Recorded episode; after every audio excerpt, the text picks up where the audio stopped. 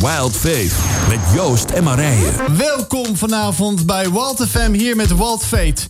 Wij vinden het weer geweldig om vanavond hier bij jullie te zijn. Live vanuit de studio hier eh, bij Walt FM. Nou, we hebben weer een fantastische avond eh, die we voor de boeg eh, hebben. Met natuurlijk de waanzinnigste, tofste gospelmuziek van de hele Randstad en verder buiten. Want ja, als je dat nog niet ontdekt hebt, dan luister je vast nog nooit, heb je vast nog nooit naar Wild FM geluisterd. Maar ik heb ook ja, van harte gehoopt dat je van Luc Milo zojuist hebt genoten. Want hij had natuurlijk weer een fantastische show. Ja, en elke keer zitten we elkaar een beetje hier een beetje te plagen met welke aankondiging ga jij weer doen. Nou, Luc, dankjewel de, dat je mij weer hebt aangekondigd vanavond. En gelukkig heb jij ook erg gehouden dat vanavond niet uh, de charmante Marije hier naast mij zit aan de linkerkant. voor de kijkers die meekijken. Maar dat ik de one and only Rien Boksem heb meegenomen vanavond. Rien, welkom. Zeker, dankjewel Joost. En leuk dat je erbij bent vanavond. Ja, ja te gek. Ja. Leuk. Ja, ik, uh, je moet zo meteen maar eventjes een kort een beetje meer vertellen... als we zo meteen het dankbaarheidsrondje doen. Uh, ja, uh, waarom je eigenlijk hier vanavond bij zit. Maar dat gaat geheid veel meer gebeuren. Dus ook onze openingsjingle zal moeten worden aangepast. Want ja, als we natuurlijk iemand hebben die hier regelmatig een van de plekjes overneemt... zowel die van mij als die van Marije... ja, dan zal dat moeten gaan plaatsvinden. Maar ik hoop ook dat je hebt geluisterd naar de aflevering van vorige week... toen we het hadden over mercy ships. Want gisteren is dat schip is vertrokken vanuit de Rotterdamse haven. Ja, sorry voor alle Amsterdammers. Maar ja, een uh, van de grootste ziekenhuisschepen in je eigen land hebben. Dat is wel een unicum.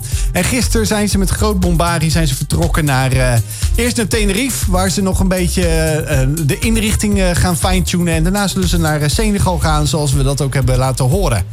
Maar ja, wij hebben vanavond gewoon weer een volle show. En ik wees niet ongerust, want uh, zometeen na deze intro ga ik eventjes de vaste co-host, de vaste presentatrice uh, Marije even bellen. Want ze is ergens in het land en wat ze daar aan doen is gaan we straks van haar horen. En het tweede uur hebben we normaal altijd een belletje. Maar we hebben vandaag iemand die wilde live hier in de uitzending komen. Hij zegt, ik kom naar de studio van Wild. Want ik vind eigenlijk het waard om hier mijn verhaal even kort te komen te vertellen. En dat is Dirk. Hij werkt bij Doorkas. Wat dat precies voor een organisatie is, dat gaan we tweede uur horen. Maar als allereerste daarna wil ik graag eh, mijn gast van vanavond, onze gast, onze studiogast introduceren. Nou, ze is iemand die al eh, veel heeft meegemaakt, die al heel grote ervaringen heeft met allerlei uh, internationale en nationale organisaties. Iemand die uh, zowel aan de achterkant als aan de voorkant van de media van alles heeft gezien en gedaan. En nu heeft ze een hele bijzondere, ja, zou ik maar zeggen, taak op zich genomen. En het is niemand minder dan Hanna van der Horst. En zij is directeur van Asking Children. Welkom, Hanna. Uh, hoi, goedenavond. Ik raak even van me apropos, omdat het Children Asking is. Dus, oh, uh, ja, maar asking ik vind, children, children Asking. Ik, vind ah. het wel een geniale naam hoor, ook Asking Children. Maar ik vind Children Asking... Uh... Children Asking, ja. Ik, ik zat de, met precies tussen daar, tussen in mijn tekst in, zat een, zit een balkje. En dus ik uh, dacht, ik gok het erop. Maar goed maar dat je hier bent. Je bent nog wakker hier vanavond. Uh, live bij wat Ja, helemaal goed. Nou, fijn dat je erbij bent vanavond. Yes, heel leuk. Ik heb er heel veel zin in. Ik ook. Ik ben heel benieuwd uh, wat je vanavond met ons gaat delen. Wij hebben altijd een rondje, Hanna. wat wij doen bij, bij Walter Fan, bij Walt Fate... is dat wij een dankbaarheidsrondje hebben... van waar jij dankbaar bent voor geweest, of misschien wel uh, nog voor wordt, maar eigenlijk het liefst geweest van afgelopen week. Of misschien wel vandaag, of misschien wel de afgelopen uren. Want eigenlijk zijn we dat helemaal niet zo. Uh, van, is het niet zo vanzelfsprekend dat we nadenken over waar we dankbaar voor zijn? En dat kunnen hele kleine dingen zijn. Dat hoeft er helemaal niet te zijn dat je de lotto hebt gewonnen of zo. Of dat je een nieuwe auto hebt uh, gekregen van de baas. Maar dat kan ook zijn dat je gewoon dankbaar bent dat je hier eigenlijk veilig bent in Nederland. Want dat is in deze tijd ja, bijna niet anders. Dus ik wilde even een rondje lopen. En Rien, jij mag als eerste wat mij betreft uh, de kick-off geven van uh, waar jij dankbaar bent voor bent geweest. Nou, en natuurlijk om te beginnen hartstikke dankbaar dat ik hier vanavond uh, bij Wild FM bij jou in de studio zit, Joost. Ehm, ja, superleuk is dat natuurlijk. Maar ik ben ook wel dankbaar wat je net zegt. Dat we in een land leven waarbij, waarbij je eigenlijk op een dag als vandaag gewoon naar de stembus kunt gaan. Hè? Als je nou bijvoorbeeld kijkt naar het nieuws van de afgelopen paar weken, dan dan zie je dat ook dat het, uh, dat het niet vanzelfsprekend is. Dus ik heb vanochtend ook uh, mijn stem uitgebracht voor uh, in het dorpje waar ik woon. En daar ben ik echt best wel dankbaar voor. Hoewel ik eigenlijk eh, ook wel mezelf een beetje een schop onder de kont moest geven om het toch te doen. Maar ik heb het wel gedaan. Dus Kijk, mooi. Nou, dat is zeker een dankbaarheidspunt, eh. Zeker, Dankjewel. En eh, Hanna, waar ben jij eh, dankbaar voor eh, geweest? Nou, dat is echt wel leuk, want ik zit hier natuurlijk in het kader van kinderen en onderwijs. En vandaag ben ik met mijn dochter naar een open dag geweest van de middelbare school, want ze zit in groep 8. En ze zei, mama, ik weet het. Ik weet naar welke school ik eh, toe wil gaan. Dus zij heeft gekozen voor een eh, nieuwe middelbare school. En we zijn net verhuisd, dus een nieuwe middelbare school in een nieuwe stad. En ze zei, daar voel ik me echt thuis. En daar was ik heel dankbaar voor. Wauw, kijk. Dat is, eh, dat is leuk. Dat is goed te horen. Ja? En jij dan Joost, waar ben jij dankbaar voor? Ja, ik ben eh, blij, blij ermee dat ik... ja, maar ik zat nog eventjes te denken. eh, maar het is eigenlijk meer voor mijn, voor mijn dochter dat ik dankbaar ben. Maar dat is ook een beetje voor mezelf. Want mijn dochter die heeft een scooter gekocht. En daardoor is ze veel meer mobieler en kan ze allerlei dingen gaan doen. En dat geeft mij weer wat meer ruimte om eh, s s'avonds eens een keer eh, wat langer op de bank te kunnen blijven zitten. Zonder dat ik hoef op te springen om tien uur s'avonds om eh, haar nog ergens vandaan eh, op te halen. Dus eh, ja, ik ben, eh, daar, ben ik wel, eh, daar ben ik wel blij mee dat, eh, dat ze dat ook heeft geïnvesteerd. Ah, top. Dus Want ben je dan eigenlijk dankbaar voor je dochter of dankbaar voor jezelf? Dat Ja. Die bank niet meer af? Nou, beide eigenlijk. Oh. Dus het is alle voor twee. Ik doe twee voor de prijs van één. Dus, ja, en eh, ja, ik had het eigenlijk Marije al beloofd eh, natuurlijk. En ik heb het vorige week voor het laatst gedaan, die, eh, die, die week doorgezaagd. Maar ik zeg, ja, ik ga gewoon wat nieuws proberen. Hè. Ik ga wat nieuws doen. Nou ja, vandaag 16 maart. Ja, zoals Rien al zei, het, het is natuurlijk hier live nieuws als je zegt van we mochten stemmen vandaag. Maar wat gebeurde er nou nog meer op 16 maart? Ergens in de afgelopen eeuw. Nou ja, ik kan je vertellen dat eh, de eerste strip van Tom Poeks... Nou ja, daar zit natuurlijk eh, een Joost in. Nou, dat kan niet mooier zijn dat mijn naam in 1941 werd uitgebracht. In 2002 werd het tweede park in Euro Disney geopend. De studio's. Nou, ook leuk, want ergens in mei ga ik daar nog eens een keer naartoe. Dus dat sprak mij wel een beetje aan. Ja, en bij een groot hitstation als Wild FM kan je er natuurlijk niet omheen. Maar Jamie Westland, de drummer... eh, hij is drummer en DJ, wel bekend van Direct. Die is jarig vandaag. Dus eh, nou ja, van harte gefeliciteerd. 1984 eh, is hij geboren. Dus ik wens hem in ieder geval een mooie verjaardag toe. Maar Olivier Bommel is dus al, is al heel oud. 1941. 41, Zo. 1941. Kijk, ja, kijk. Ja, ja, dus het is al een hele oude strip. En eh, zoals je van ons gewend bent, eh, bellen we altijd eventjes iemand in en met iemand.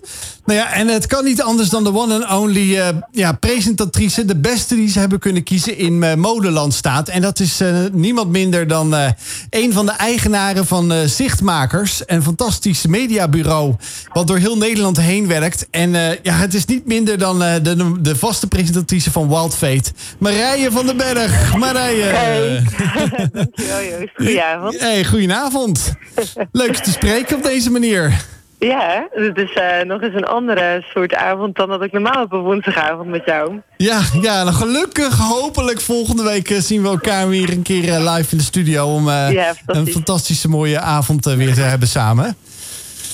Ja, nou en vanavond eh, ben ik betrokken bij de voorlopige verkiezingsuitslag eh, van eh, gemeente Molenlanden. Ja. En als de luisteraar nu vanavond luistert en zegt... oh, ik ben nog vergeten om te stemmen vandaag... dan kan dat tot straks 9 uur nog. Dus als je nu op de fiets stapt met Wild Fate eh, op je... eh, met eh, de AirPods in je oren... kun je nog zeker nog even gaan stemmen... om, eh, om zeker nog even je geluid te laten horen vandaag. Ja. En ik mag dus de avond presenteren voor gemeente Molenlanden. En dat is een prachtige omgeving ten oosten van Rotterdam.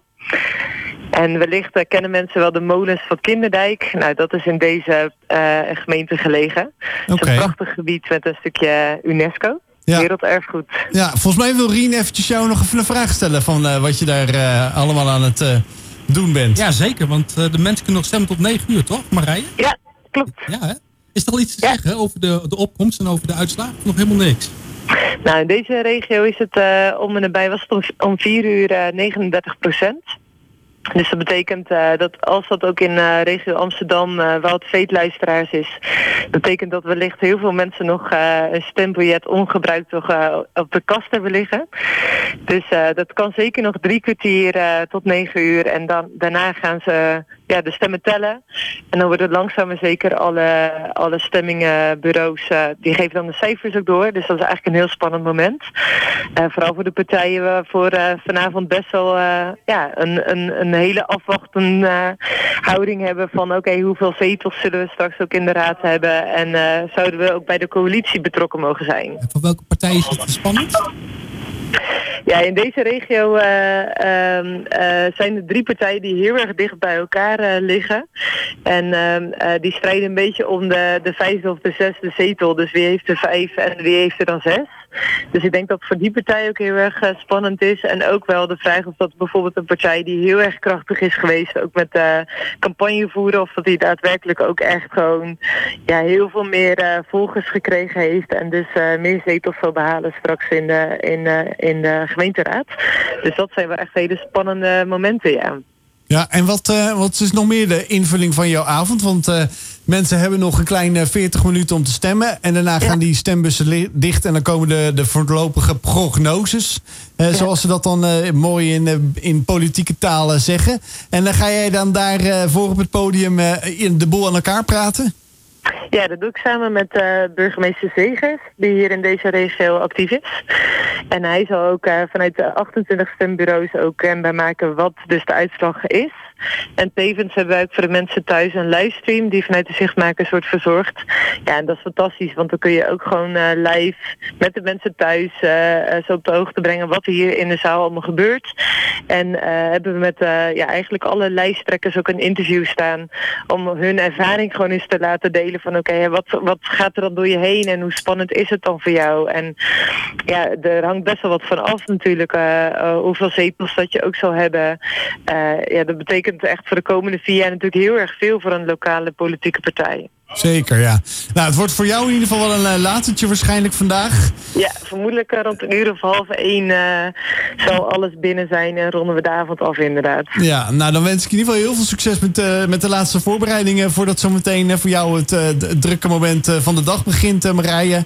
En, uh, en ik wens je ook alvast veel succes voor de voorbereidingen van volgende week van een nieuwe aflevering van Wat Veet. En ik bedank je heel erg voor, ja, voor eventjes zo in de uitzending te komen en te vertellen wat je nog meer aan de nevenactiviteiten onderneemt naast presenteren hier bij Walt FM. Ja, dankjewel. En jullie heel veel plezier ook met het gesprek met Hanna. Ik ben heel erg benieuwd naar het moment dat ik terug ga luisteren. Helemaal goed. Vanaf morgen is dat weer mogelijk. En bedankt nogmaals en ik wens je een hele fijne avond. Oké, okay, fijne avond. Hoi, hoi. Doei, doei. We gaan uh, na Marije, nadat ze eens even heeft verteld wat zij allemaal aan het doen is uh, vanavond uh, bij de gemeenteraadsverkiezingen. Dat recht dat we hier hebben, en eigenlijk bijna ook wel bijna zou je zeggen een plicht, maar zeker een recht, dat is heel bijzonder.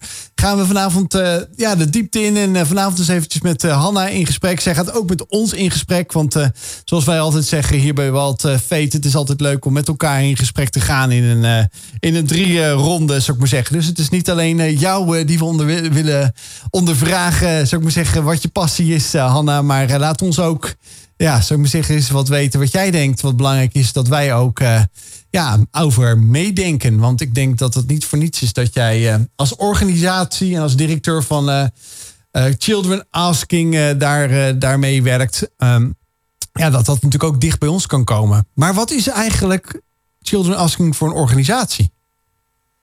Children Asking richt zich op uh, christelijk onderwijs voor kinderen in armoede. Okay. Dus wij uh, zorgen dat uh, kinderen in armoede, nou, waar we kunnen, lokaal, um, door lokale mensen geholpen worden.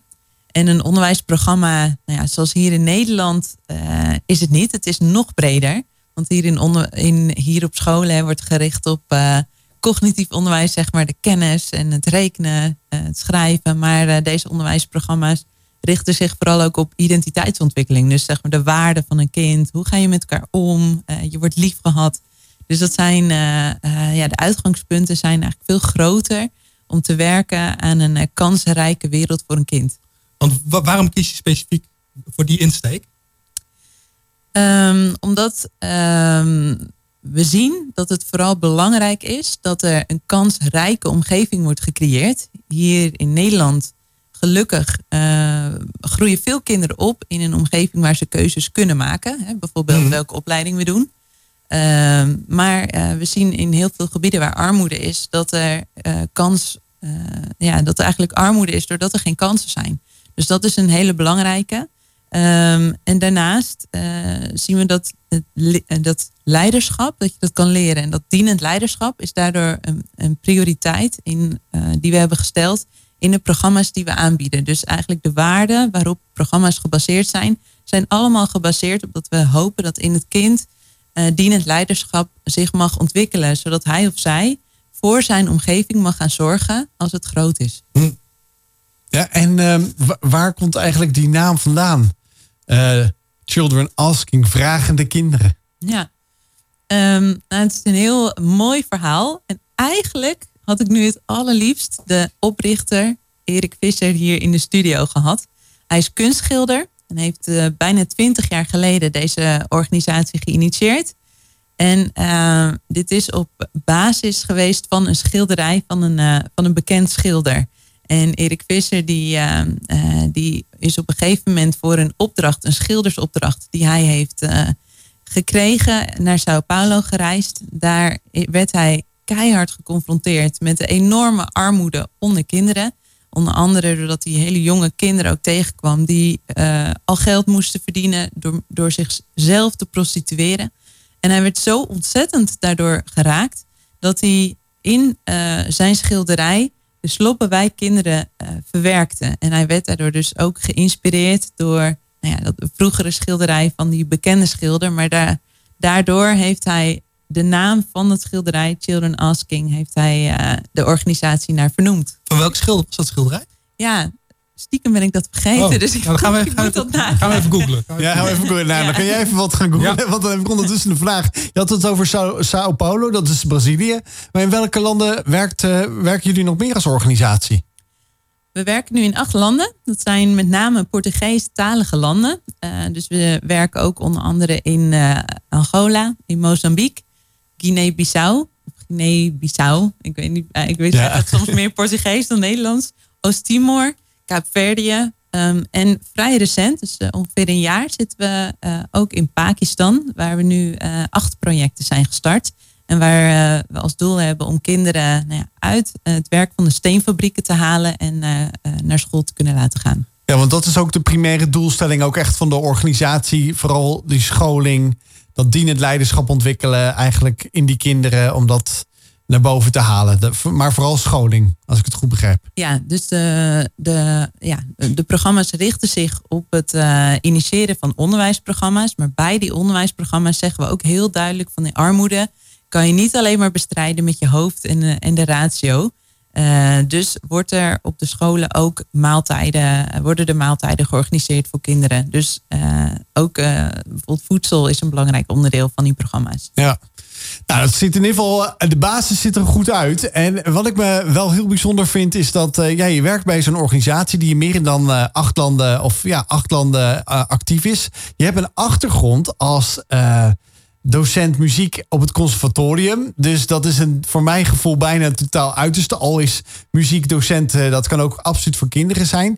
Maar ik heb ook begrepen dat het allemaal ooit met een bijzondere droom begonnen is voor jou. Ja, is eigenlijk een waanzinnig aparte route. Als je naar mijn cv zou kijken, dan zou je al die stukjes uh, lastig aan elkaar knopen. Toch zit er wel een soort van verhaal uh, in, of een lijn in.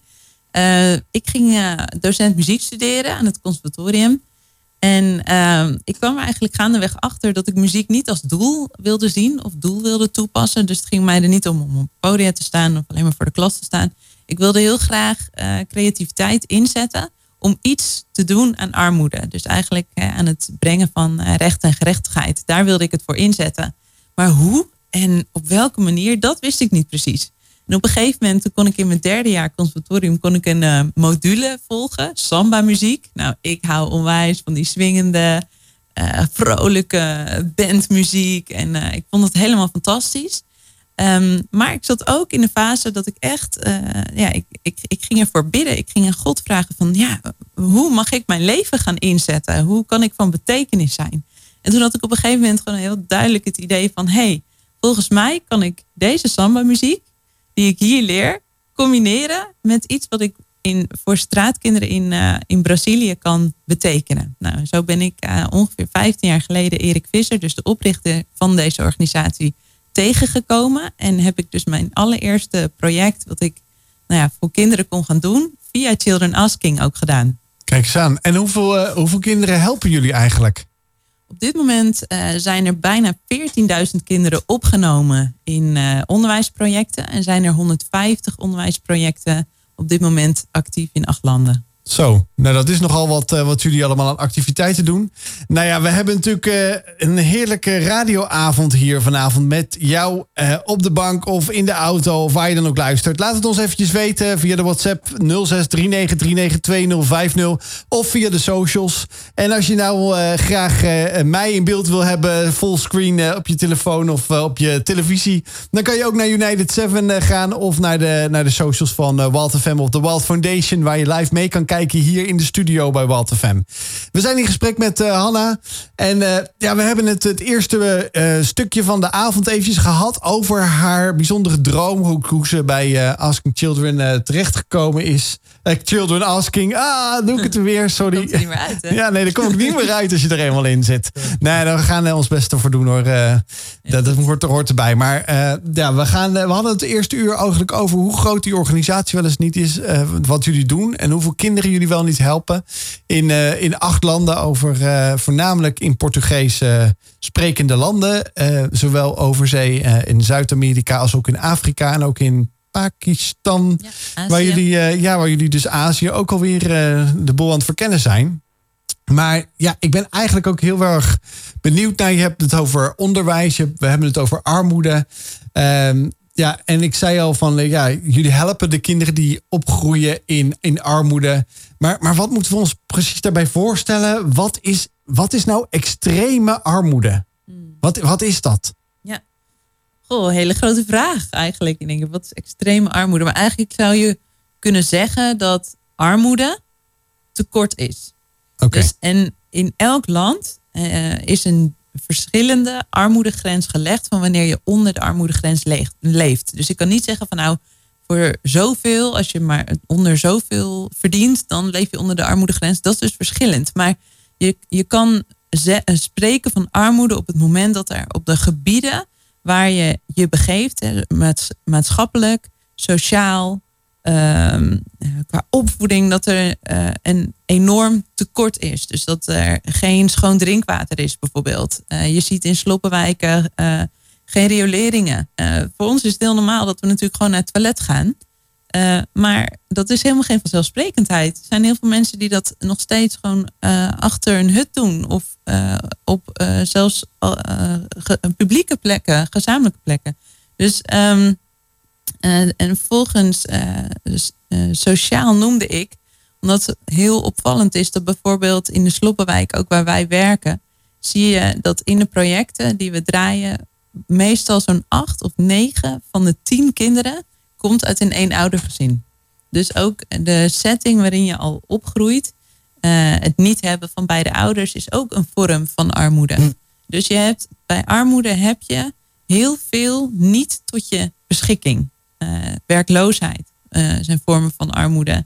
Ehm, nou ja, eh, niet naar school kunnen gaan, niet naar een ziekenhuis kunnen gaan. Allemaal vormen van armoede, zou je kunnen zeggen. Hebben wij in het Westen eigenlijk wel door wat extreme armoede is? Hebben we daar wel een goed beeld van? Omdat wij het zo goed hebben hier. Ja, er is hier natuurlijk ook wel armoede, maar hebben wij een beeld van wat echt extreme armoede is? De armoede waar jij het over hebt? Ja.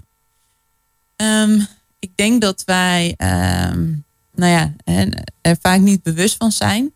Maar tegelijkertijd, uh, zoals jij al zei, wil ik ook benoemen dat uh, bijvoorbeeld hier in Nederland uh, vier op de honderd, nou ja, het is een laag aantal lijkt het, maar vier op de honderd kinderen ook te maken heeft met armoede en dan echte armoede. Ja. Dus en wanneer je kijkt naar de wereldschaal, dan heb je het over de, de schatting van de VN is dat er dan 20 op de 100 kinderen in extreme armoede leven. Ik heb, ik heb begrepen, 275 miljoen kinderen leven onder, de, onder die extreme armoedegrens. Hmm. Klopt dat? Nou, uh, de getallen die ik ken, maar dan moeten we toch even de VN-rapporten denk ik erbij uh, pakken. Die ja. zijn nog veel hoger. Nog veel hoger. Ja, ja. Hm. daarin uh, nou ja, ken ik inderdaad de, de, aantallen als 685. dus jij noemde het 275. Ja. Zo. Dus eh, die aantallen zijn echt veel groter dan. eh, maar de schattingen zijn ook moeilijk te maken. Ehm, dus de- bijvoorbeeld tijdens eh, de, de afgelopen twee jaar, tijdens COVID, want we zagen ook gelukkig dat de armoedetrends veranderden en dat ook armoede bestreden werd, dat de getallen anders werden. Hm. Maar afgelopen twee jaar door COVID zien we dat er heel veel mensen teruggeduwd zijn in die eh, extreme armoede. Is de situatie verslechterd de afgelopen twee jaar? Exact, die getallen zijn weer veel hoger geworden. We zien het alleen al eh, in de projecten die we draaien in het buitenland. Hè, omdat alles gesloten is, ehm, kunnen en ouders niet naar hun werk, als ze dat al konden. Kinderen kunnen niet naar school, naar de projecten. Ehm, maar doordat ouders niet kunnen werken, gaan ze in sommige gevallen dus een soort noodgreep uithalen. En moeten kinderen gaan weer, Hmm. weer gaan werken. Dus komen ze niet meer opdagen Nee, op de precies. schoolprojecten. Maar jullie helpen 14.000 kinderen ongeveer. Ja. Voelt dat niet dan als een, druppel op een gloeiende plaat? Zeker. Ja. Het is veel te weinig. Ja. Ja, dus wij zouden dolgraag veel meer kinderen willen helpen. En gelukkig hebben we een werkwijze waarbij we eigenlijk het wereldwijd mogelijk maken dat er projecten, onderwijsprojecten geïnitieerd kunnen worden. Want dat doen we door middel van lokale mensen te trainen en via lokale kerken vooral. Hè, want eh, kerken zijn eigenlijk prachtige plekken van community. Mensen kijken naar elkaar om, mensen zien elkaar, mensen komen samen. Maar dat gebeurt heel vaak op één dag en op één moment. Dus eh, zeggen wij van hallo, je hebt een, eh, vaak een gebouw of een plek, eh, ruimtes, je hebt mensen eh, en je hebt een missie, want je wil eh, liefde verspreiden. Nou, ga dan kijken wat je in je omgeving ook door de week kan doen als kerk zijnde. Dus wij eh, zeggen gebruik en dat gebouw, gebruik je mensen en ga kinderen helpen, ga armoede bestrijden in je eigen omgeving. En dat is eh, de start van waar we eh, met mensen aan de slag kunnen en projecten kunnen gaan starten. Ik ben eh, heel benieuwd. We hebben het even over een heel eh, wijde scope, zou ik maar zeggen, bijna van de miljoenen. We gaan het al terugbrengen naar de, de kerk of de, de, de, lokale gemeenschap die, die, die, die je benoemt. Maar wat is dan ja, voor jezelf, als we het hebben over die armoede, heb je voor ons, voor de luisteraar thuis, voor mij ook een, een, een voorbeeld of misschien wel twee waarvan je zegt van, nou, ik, ik was daar in dat land of eh, ik ben daar geweest en ik heb dat gezien, gehoord, gevoeld, ervaren, geroken. Kan, je ons eens meenemen naar zo'n... Want we zijn heel breed geweest en dat we eigenlijk net voor het... Voordat we er straks uitgaan voor het journaal en de, de commercie. Eh, dat je eigenlijk ons meeneemt naar een, een verhaal van een gezin. Of van, van een omstandigheden die jij hebt gezien. Ja, zeker. Ehm, afgelopen november nog was ik in, ehm, eh, in Brazilië en eh, heb ik verschillende projecten in eh, Rio de Janeiro bezocht. En wat ik daar heel erg heftig vond was ehm, eh, het grote aantal kinderen en jongeren wat in het drugscircuit terecht kwam. Dus ook nou ja, drugs zorgt tevens voor armoede. Of je kan, zou ook het andersom kunnen zeggen. Dat de armoede zorgt, ervoor zorgt dat ze in het drugscircuit terechtkomen. Maar toen maakte ik mee dat eh, in een van de wijken waar we kwamen... dat de drugsbendes de, de dienst uitmaakten. De politie die durfde er nauwelijks te komen. En als ze er komen, dan was het in grote getalen. Had je een enorme razzia. Werden eh, nou ja, werd de boel in de hens gestoken. eh, werd er onwijs veel geschoten. En probeerden ze dus die drugsdealers te pakken. Ehm, maar wat er gebeurde is dat eh, eh, jongens van 12 tot 15... die worden gerecruiteerd om bij die bendes aan te sluiten. En dat eh, is niet een, een klein beetje jongens. Nee, dat is 40% van de jongens in zo'n wijk komt in zo'n bende terecht.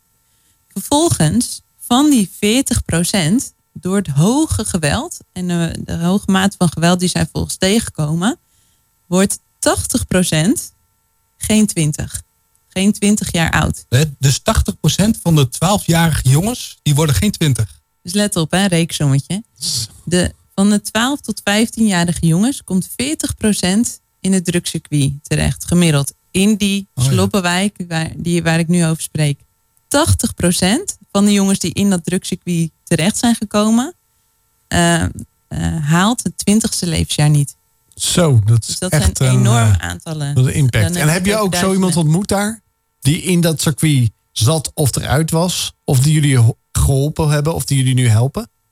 Ja, ik sprak met uh, de coördinatrice dat ze, we voornamelijk natuurlijk proberen in te zetten op preventie. Dus we proberen al te voorkomen dat ze erin komen. Dus kinderen op jonge leeftijd al leren dat ze ook andere keuzes kunnen maken. En waardoor dit circuit ook gevaarlijk is. Hè. Ze moeten dat leren. Um, maar wat ik een heel, heel heftige uh, ja, gebeurtenis vond, was dat in de straat waar we een project uh, hebben, een uh, familie woont waar ze een zoon van 14 had, waar de ouders een zoon van 14 hadden, moet ik nu dus zeggen. En die jongen was dus terechtgekomen in een van die bendes. Die, um, die hadden hem dus, nou, ik zou bijna zeggen, opgeslokt. En tijdens een van de uh, heftige bendeavonden, ook een avond waarbij veel politie de wijk in was gekomen. En dat was anderhalve week voordat ik daar was gebeurd, dus het was heel uh, vers. Toen was die jongen, tijdens die avond, was hij zijn gun, zijn geweer was die verloren. En uh, toen had hij gezegd, nee, maar ik blijf trouw aan, aan mijn maten, ik blijf trouw aan deze bende. En hij wilde dus niet afhaken. Maar toen uh, vervolgens, uh, de volgende avond, kwam zijn allerbeste vriend, ook bendelid in dezelfde bende, kwam hem, uh, kwam hem ophalen in een mooie auto. En hij nam hem mee en in de volgende steeg kreeg hij een kogel door zijn hoofd. En hebben zijn ouders hem niet meer teruggezien. Um, ja, dat vond ik echt ongelooflijk schrijnend om dat te horen van, van de projectleider van het project waar we zaten. En dat gebeurt dus heel direct in hun eigen. Ja, het gebeurt in de straat, het gebeurt in hun netwerk. En dat is waardoor zij dus echt lobbyen om te zorgen dat zij die veilige plek mogen zijn. Die veilige haven als kerk en als Children Asking project. Om jongeren te laten zien dat er ook echt ander perspectief is. Dankjewel uh, voor dit ja, bizarre eigenlijk verhaal te delen. Om ons mee te nemen naar de schijnende omstandigheden waar deze kinderen in moeten opgroeien. Ik ben heel benieuwd wat je het uh, volgende uur ook met ons gaat delen. Want uh, er is vast nog wat meer uh, wat je wil vertellen over het project waar je bij betrokken bent. Dit is de nummer 1. Voor hits. Wild Hit Radio. Dit is Wild Faith met Joost en Marije. En op dit moment willen we ook heel actueel zijn. Zeker met de studiogast die speciaal hier naar de studio afgereisd is... om hier live eventjes het plekje van uh, Hanna van der Horst eventjes uh, warm te houden... zou ik bijna zeggen, maar eventjes hier achter de microfoon plaats te vinden. Het is niemand minder dan uh, Dirk van de organisatie Doorkas. Welkom Dirk. Ja, dankjewel. Fijn om hier te zijn. zeker op zo'n moment dat toch de wereld in brand staat hier en daar. Ja, dus, dank want, voor de uitnodiging. Ja, want volgens mij is dat wel het moment waarvoor jij ook zeker hier wat kunt, kunt vertellen. Want volgens mij is Doorkas een grote wereldwijde internationale organisatie. Maar die werkt ook in Nederland. Ja, wat, nou, we zitten in 14 landen waar we, waar we ontwikkelingshulp doen. In Oost-Europa, in het Midden-Oosten en in Oost-Afrika.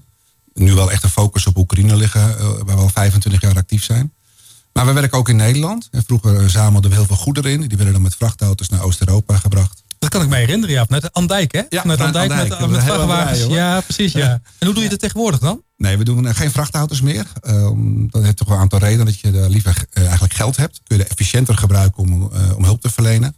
Maar die spullen zamelen we nog steeds in. En die zetten we nu om in kringloopwinkels. Uh, in die kringloopwinkels zetten we dat om in geld. En dat zijn er nu 42 in Nederland. En dat levert ja, fantastisch werk op. Dat zijn 4000 vrijwilligers die daar hun ziel en zaligheid in leggen. En de opbrengst komt ten goede van mensen die het heel hard nodig hebben. En als we het dan specifiek hebben over Oekraïne, hè, want daarom ben je hier vanavond. Hoe, hoe gaat het dan in zijn werk? Dus jullie verkopen uh, in jullie kringloopwinkels verkopen jullie nou ja, tweedehands producten. En dat geld dat gaat dan naar Oekraïne, zodat mensen daar lokaal geholpen worden. Ja, we zitten al 25 jaar in Oekraïne. Waarin in het verleden veel programma's als bijvoorbeeld uh, Adopt a Granny. Dat je een, een, een oma kan adopteren die we dan voedselpakketten geven en communitywerk voor doen. Nou, nu is het natuurlijk een oorlogssituatie, dus nu schakelen we om naar noodhulp. Dus dat betekent dat we echt aan de grens met Roemenië en Moldavië vangen we nu zo'n 35.000 mensen op. Hm. En die geven eten, drinken, uh, onderdak, psychologische hulp. Wat zijn, wat zijn de verhalen die jullie horen? Op dit moment? Ja, het zijn hele schrijnende verhalen. Uh, verhalen van, van, van mensen die, uh, ja, veel vrouwen met, met kleine kinderen, die hun man moeten achterlaten. Wat natuurlijk een vreselijke keuze is. Mensen die in schuilkelders hebben gezeten, die de vreselijkste dingen hebben gezien en die soms uren in de rij of in de file staan, soms dagen, de voeten door besneeuwde bergen, door de Karpaten moeten trekken. Eh, ja, om, om een veilig plekje te zoeken. Die hebben dan nog een koffertje over. Terwijl ze in Oekraïne een heel mooi leven hadden met een huis en vakantie gingen. En nu hebben ze dan helemaal niks. En hebben jullie, hebben jullie ook eh, hulpverleners nog steeds in de Oekraïne zitten? Of is Ja. echt ook al jullie, eh, eh, ja, al jullie medewerkers ook al uit de Oekraïne? Nee, we hebben daar in Oekraïne hebben we daar 30 mensen werken, Oekraïners. Die zijn natuurlijk zelf ook wel gevlucht voor een deel, van oost naar west. We werken nu voornamelijk in West-Oekraïne. Maar we hebben in het oosten nog wel een paar vrijwilligers zitten die zeg maar, onze oma's daar nog voedselpakketten geven. Kunnen jullie daar nog bij komen of niet? Moeilijk, maar het lukt wel. Maar het is, dit gaat niet makkelijk. Eh, ook omdat die mensen die bij ons werken hebben ook gezinnen. Dus, en die willen ze dan toch ook begeleiden om te vluchten. Eh, maar we kunnen de meeste van onze deelnemers nog steeds voedselpakketten geven. Toch nog, ondanks de situatie die er Ja. nu is. Ja. Ja. Oké, Ja. Want met name in de Oost-Oekraïne is het heel heftig, hè? Nou, daar is natuurlijk het geweld het grootst. Eh, je ziet wel dat het langzaam aan het verschuiven is. De vluchtelingen die gaan met name naar het westen. Dus in het westen doen we echt noodhulp qua vluchtelingenopvang. Ehm, en in het oosten doen we meer ja, mensen helpen die ja, kwetsbare ouderen die niet weg kunnen. Ja, die hebben toch eten nodig en, en, en spullen nodig. En die proberen we zo goed mogelijk te helpen. Hey, en, en, en- je bent hier natuurlijk vanavond namens Dorcas ook. Wat kunnen wij dan doen? Want wij, ja, we staan er af en toe met- met de handen. We staan, we staan erbij en we kijken ernaar. Maar wat Ja. kunnen we doen? Nou, kijk, het makkelijkste is natuurlijk gewoon naar uh, dorcas.nl en een donatie doen. Wat je ook kan doen is een collecte starten. En een online collecte kun je starten via onze website. Dat je in je eigen netwerk gaat collecteren. Maar je kan ook natuurlijk gewoon naar onze winkels gaan en daar spullen kopen. Ehm, we hebben daar ook een mooie... Elke winkel heeft ook zijn eigen actie. Je kan een hartje maken voor Oekraïne bijvoorbeeld. In wat voor manier dan ook. Je kan het schilderen, je kan het borduren. Dat wordt dan verkocht. Of je kan het ook kopen en de opbrengst gaat dan naar Oekraïne. Ehm, dus je kan op allerlei manieren eh, helpen. Eh, we hebben natuurlijk eigenlijk voornamelijk geld nodig. Eh, dus doneren is het makkelijkst. Maar ik, ja, ik wil iedereen uitnodigen. Kom naar onze winkels. Koop daar prachtige spullen. En weet dat de opbrengst terechtkomt ja, bij vluchtelingen in Oekraïne. Hey, en en met, geld, hè, kun je nou heel concreet zeggen, wat, wat doen jullie daar dan mee? Wat, op wat voor manier helpen jullie met het geld wat jullie opbrengen in jullie winkels? Op wat voor manier helpen jullie dan de mensen daar ter plekke? Wat, Nou, in- wat kopen jullie ervoor? Kijk, in, op dit moment in, in de, noodhulpactie die we geven, dat is met name eh, voedsel, drinken, eh, eh, eh, onderdak, vaak via lokale kerken, dekens, matrassen, eh, medicijnen. We geven ook psychologische hulp, wat we daarmee doen. Dus echt de, de basisvoorziening. Ehm, daar gaat het geld nu voornamelijk aan op. En op termijn hoop je ook iets mee te kunnen doen aan opbouw. Eh, zorgen dat mensen ook weer een veilige plek op lange termijn hebben, dat ze misschien weer terug kunnen. Maar op dit moment gaat het voornamelijk op aan eten, drinken, dekens, kleding eh, en opvang. Ja. En, en, en, en, en eh, met name dus geld hebben jullie behoefte aan? Eh, dat is er, zijn, er zijn heel veel, er zijn echt heel, als je, ik, ik hoor om mij heen zoveel verschrikkelijk veel initiatieven van mensen die inderdaad ook echt spullen gaan verzamelen. geweldig. in, in, in, in busjes doen, die Ja. kant op rijden en eh, op die Ja. manier proberen te helpen. Maar is dat de meest, de meest Ja, efficiënte ja. manier van hulp op dit moment? Nou, ik denk dat je het antwoord al weet. Het, het, het is natuurlijk heel begrijpelijk. Wij zijn ook zo begonnen. Hè? Dat je uit je hart iets wil doen en dat je spullen wil geven. Maar het is niet het meest efficiënt. Die spullen moeten daar uitgezocht worden. Het zorgt ook voor verstoppingen op de weg. Het is dat er niet eh, de juiste spullen op de juiste plek krijgen. Ehm, dus je kan beter met geld doneren. Dan kopen wij daar de spullen die we nodig hebben. We hebben daar onze partners. We kunnen heel snel aan spullen komen. En wij en ook de andere organisaties die daar werken, die weten wat nodig is. En dan kun je gericht eh, je spullen kopen. En nu komt er natuurlijk heel veel komt daar naartoe. En het is niet altijd, ja, soms komen er allemaal tenten naartoe, maar je hebt niet altijd tenten nodig. Als iedereen opvang heeft, dan heb je dat niet nodig. Je kan heel veel eh, kleding eh, sturen, maar als het allemaal mannenkleding is, en dan komen alleen maar vrouwen over de grens. Dan, dus dat is niet efficiënt. Nee. Wel Nee. begrijpelijk. Ja. Dus als je echt spullen wil hebben, breng ze dan naar de winkel. En er komen natuurlijk ook heel veel vluchtelingen nu deze kant op. Hè. Iets, volgens mij zijn er al meer dan 2 miljoen eh Oekraïners eh, op- inmiddels op de vlucht. Er komen er volgens mij een paar honderdduizend, Ja. wordt de verwachting, naar Nederland toe. Eh, Zijn jullie ook actief voor die mensen die hier naar Nederland komen? Of zijn jullie echt in het desbetreffende gebied Nee, zelf we, werken actief? echt, werken echt daar. Ja. Met onze partners in het Christelijk Noodhulpcluster werken wij daar voor de opvang. Ik ga zelf wel binnenkort mijn, mijn tolk ophalen. Die is gevlucht met haar dochtertje van drie. Want dat is dan een persoonlijk iets die je toch ook veilig wilt hebben. Haar man moet helaas achterblijven. Eh, maar ons, hulp, ons werk als Dorcas is echt in Oekraïne, in Moldavië, in Roemenië, in die regio. En, en als mensen nou geld hebben gegeven en die denken van ik wil weten wat de impact van mijn eh 10, 20, 100.000 euro is die ik gegeven heb. Kunnen mensen dat dan ook op den duur ergens terugzien op een website of Ja. op, een, eh, op een plek, op een nieuwsbrief? Ja, we hebben via onze website, dorcas.nl, kun je eh, een live blog vinden. Waar we steeds updates geven wat we aan het doen zijn. Ook live blogs van bijvoorbeeld mensen die voor ons in Oekraïne werken. Eh, dus daar is informatie van. We hebben ook digitale updates via nieuwsbrieven waar we informatie eh, verstrekken van wat we precies doen met het geld. Maar ook waar behoefte aan is.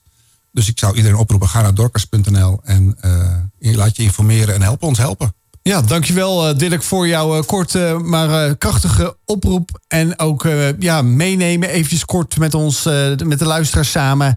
naar de Oekraïne, naar de hulp die nodig is, de nodige impact die jullie kunnen maken. Klein, maar toch ook heel effectief. Uh, bedankt voor uh, het werk wat Doorkast doet.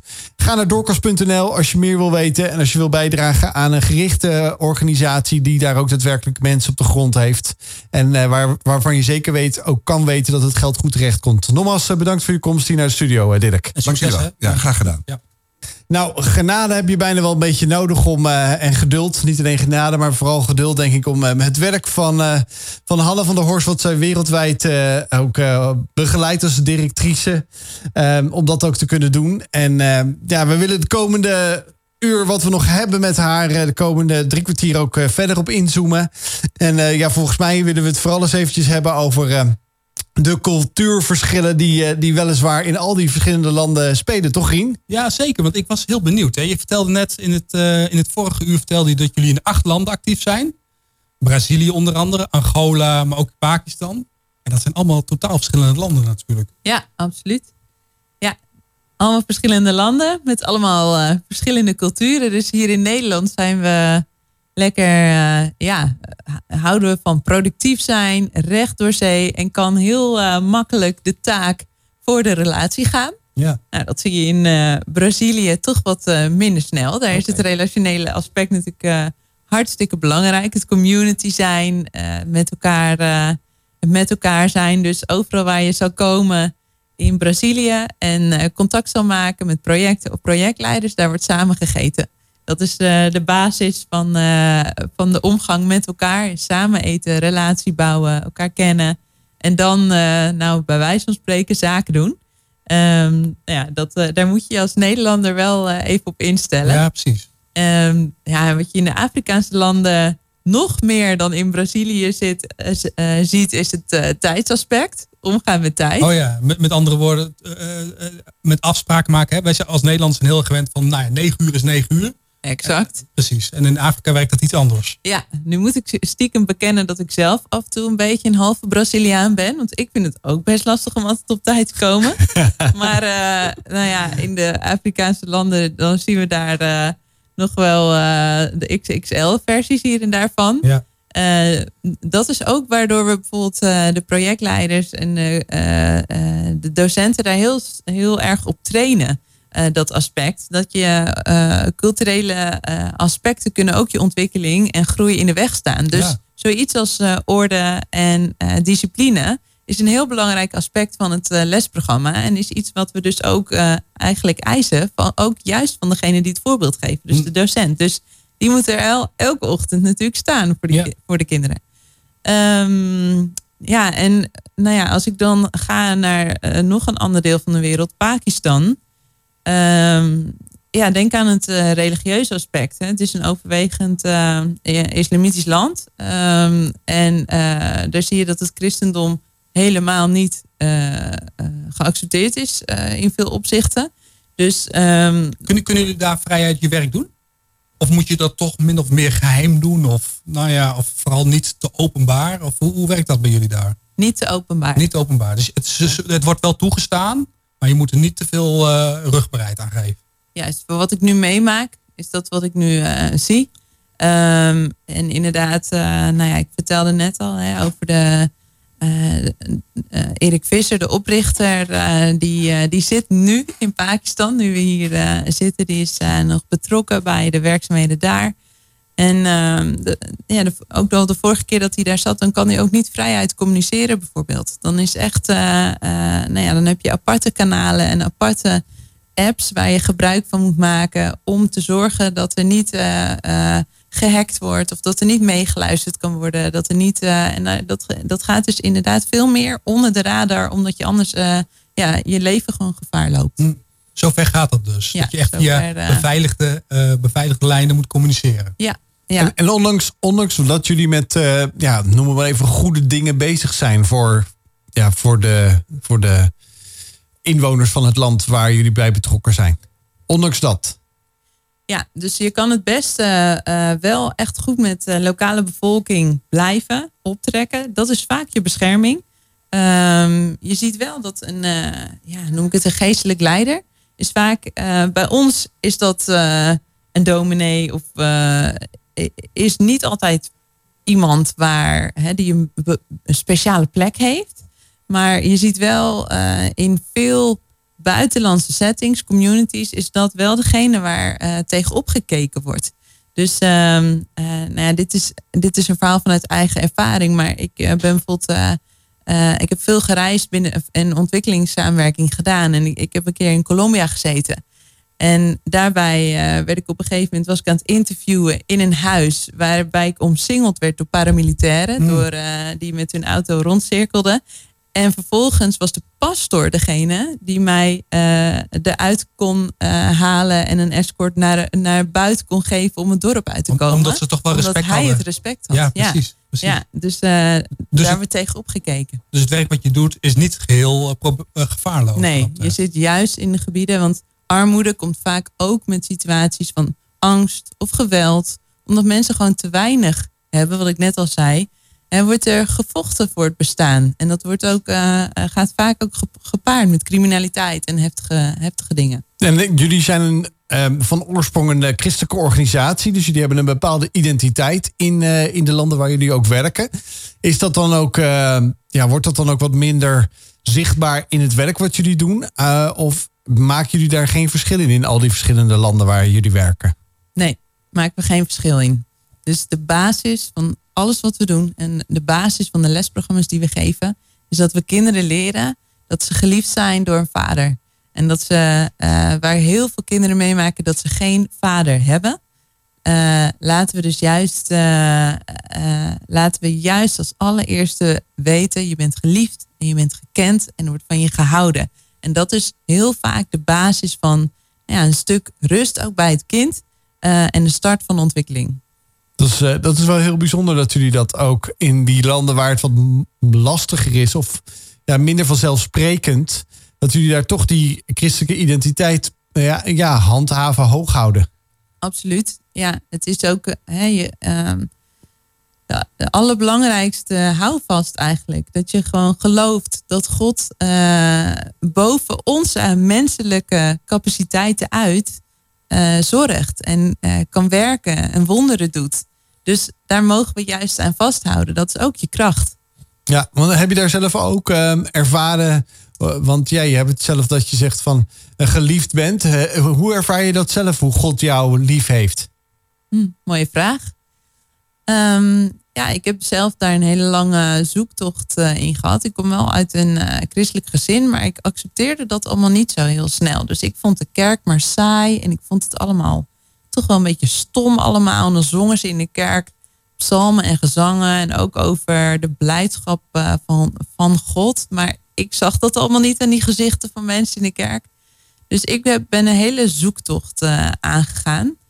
En eh, ja, dat ging gepaard eigenlijk met dat ik me eh, over mezelf niet heel eh, zeker voelde. En niet heel goed voelde. En ook veel last had gehad van dat, dat ik gepest was op de basisschool, middelbare school.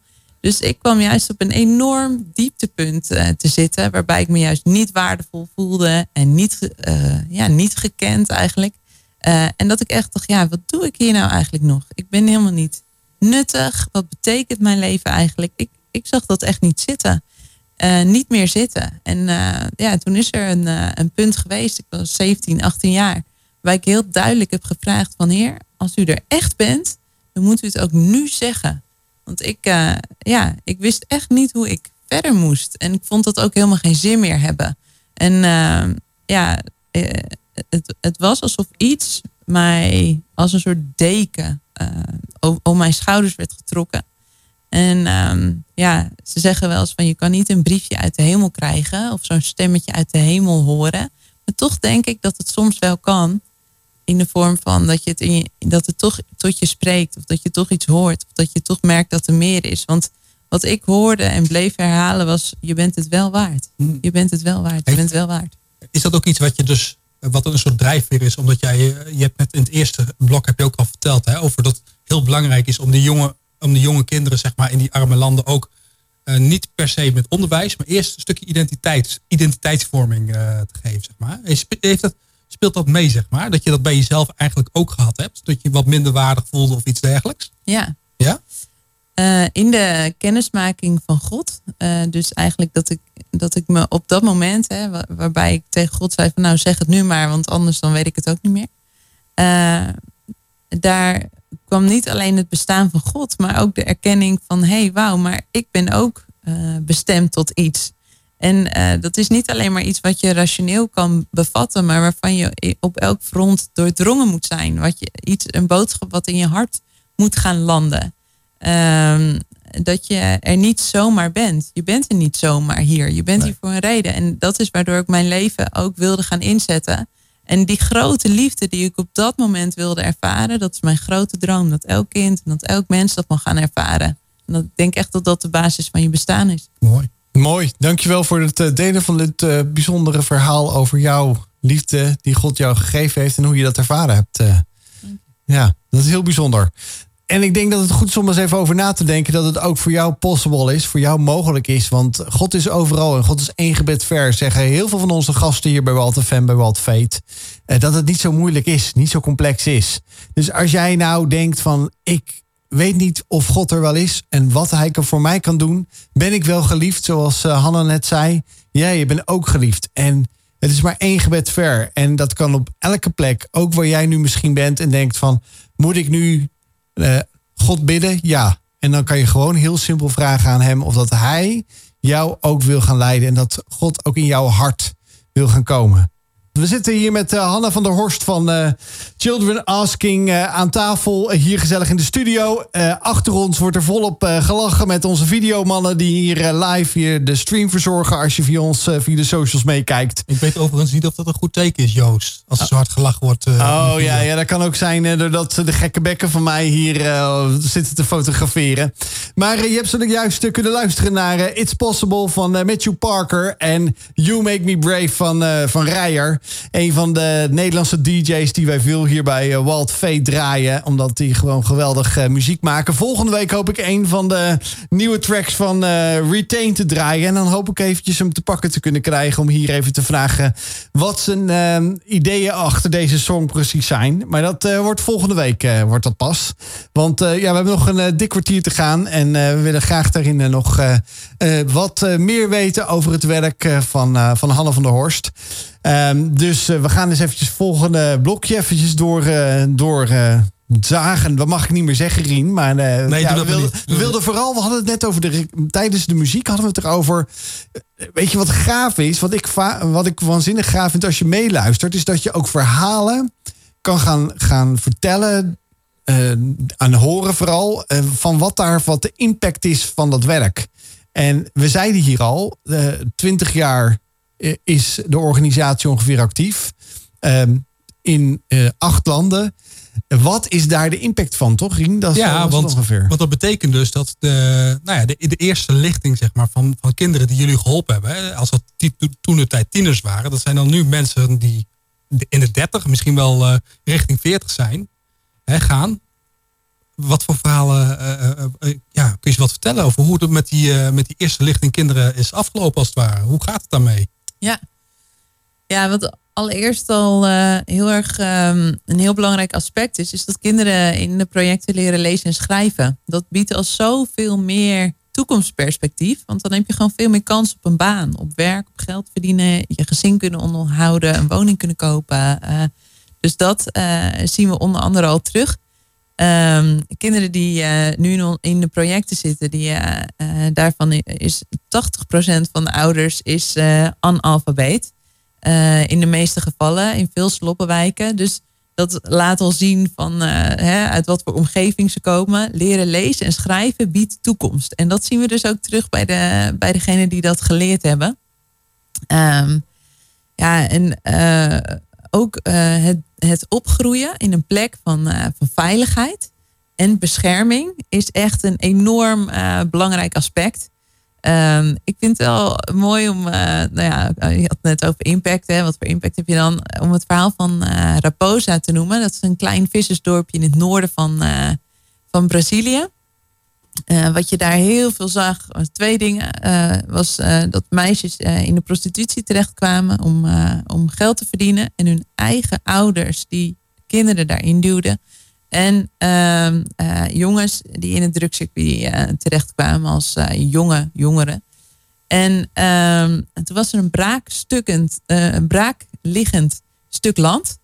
En Erik Visser die zei, ehm, hier moet een, eh, een campus komen, hier moet een gebouw komen. Eh, dat was de plek waar het meest gede- gedeeld werd in dat dorpje. Ja, jaren geleden eh, kwam hij daar voor het eerst. En dat was dus echt een soort ja, Sodom en Gomorra, zeg maar. En ehm, midden op dat, eh, op dat stuk land, waar dus de dealers elke avond bij elkaar kwamen, tegenover zat een bordeel. Ehm, werd gewoon een nieuw pand gebouwd waar kinderen les gingen krijgen. Waar bijbelonderwijs werd gegeven, waar kinderen maaltijden krijgen. Eh, dat is tot op de dag van vandaag een plek waar kinderen in klaslocaties bij elkaar komen. Eh, het bordeel tegenover, ehm, eh, wat er tegenover zit in de straat, is inmiddels leeg. Komt niemand meer. Je ziet er, geen, je ziet er al helemaal geen kinderen meer. En wat ouders teruggeven, is dat nu na een aantal jaren alleen al, hè, dan hebben we het over zo'n vier jaar, eh, dat ze zeggen: Ik durfde voorheen nooit mijn kind alleen over straat te laten gaan. Maar sinds dat er nu een project zit in dit dorpje, eh, durf ik mijn kind eh, alleen naar school te sturen. Nou, dat alleen al, dat ze niet meer bang zijn hè, voor het geweld en voor de angst die ze, die ze hadden. Maar dat dat door zo'n project, zeg maar, zoveel veiligheid en nieuw perspectief wordt geboden, is enorm. Eh, enorme impact. Er eh, is veel, veel minder gedeeld, wordt er. En een lokale pastor, die is ook begonnen om eh, in het restaurantje dat naast het, het, de campus zit. Die gaat gewoon midden op straat, houdt hij nu elke avond een dienst. En dan komt hij aan met zo'n oude box, zeg maar. Zo'n oud speakertje Ja, ja, ja, die aan alle kanten rammelt. En zo'n microfoon die keihard ruist. En hij brult erdoor en hij zingt erdoor. En hij gaat dan van die aanbiddingsliederen zingen. En mensen haken aan.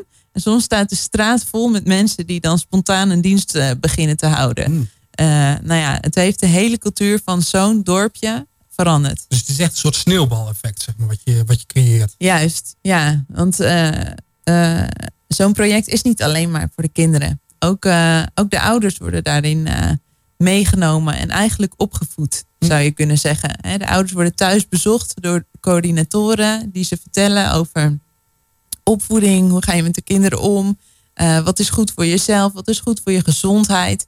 Eh, dus dat gaat veel verder dan eh, alleen maar het leven van één. Het is echt een hele community wat, wat bereikt wordt. Ik kan, me, ik kan me wel, dit is natuurlijk een heel mooi verhaal, hè, maar ik kan me ook voorstellen dat er ook wel nou ja, momenten zijn van frustratie. Momenten dat je echt een lange adem moet hebben, dat je geduld moet hebben, uit, uithoudingsvermogen. Ehm, het zal niet alleen een, een, een groot halleluja verhaal zijn. ik. Nee, daar heb je ook gelijk in. Ehm, ja, je moet eigenlijk, eh, ik denk dat eh, een van de meest uitdagende, maar ook mooie dingen is dat je blijft zien eh, wat kan zijn, wat het nog niet is. Hm. Want anders kan je inderdaad enorm door die frustratie opgeslokt worden. Of bijna hè, eh, depressieve gevoelens hebben. Omdat inderdaad eh, in, een, in een grote stad als Sao Paulo, waar zo'n 20 miljoen mensen eh, leven, natuurlijk is het daar eh, een enorm kawaii om die sloppenwijken, Ja. om daar echt ja, iets nieuws zeg maar, te bouwen.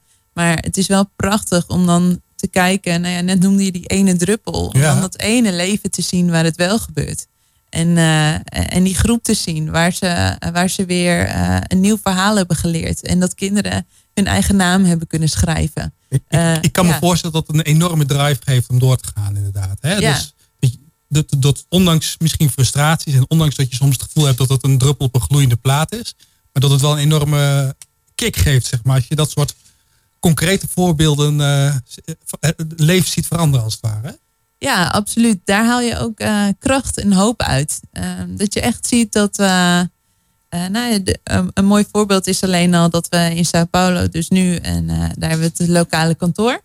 En eh, degene die eh, nu de hele, eh, het hele financiële eh, gedeelte van, voor Brazilië eh, beheert, is zo'n ontzettend betrouwbare, krachtige vrouw. En dat is een, een vrouw die dus in de Sloppenwijk is opgegroeid, maar door een project eh, van Children Asking op jonge leeftijd eh, ja, daarin terecht eh, gekomen is. Daardoor heeft ze ja, zoveel meer houvast en structuur in haar leven gekregen. Dat ze nu uiteindelijk nou ja, eh, deze rol ook eh, kan vervullen. Dus dat is echt alleen al een eh, soort wandelende getuigenis. Ja, mooi dat jullie zoveel, dat jullie zoveel impact hebben in, in al die landen. Dat, dat zal allemaal niet allemaal vanzelfsprekend zijn en, en zomaar gefinancierd kunnen worden door de lokale overheid of de, de, regionale overheid zal, zal misschien helemaal niks zelfs bijdragen. Hoe financieren jullie deze projecten?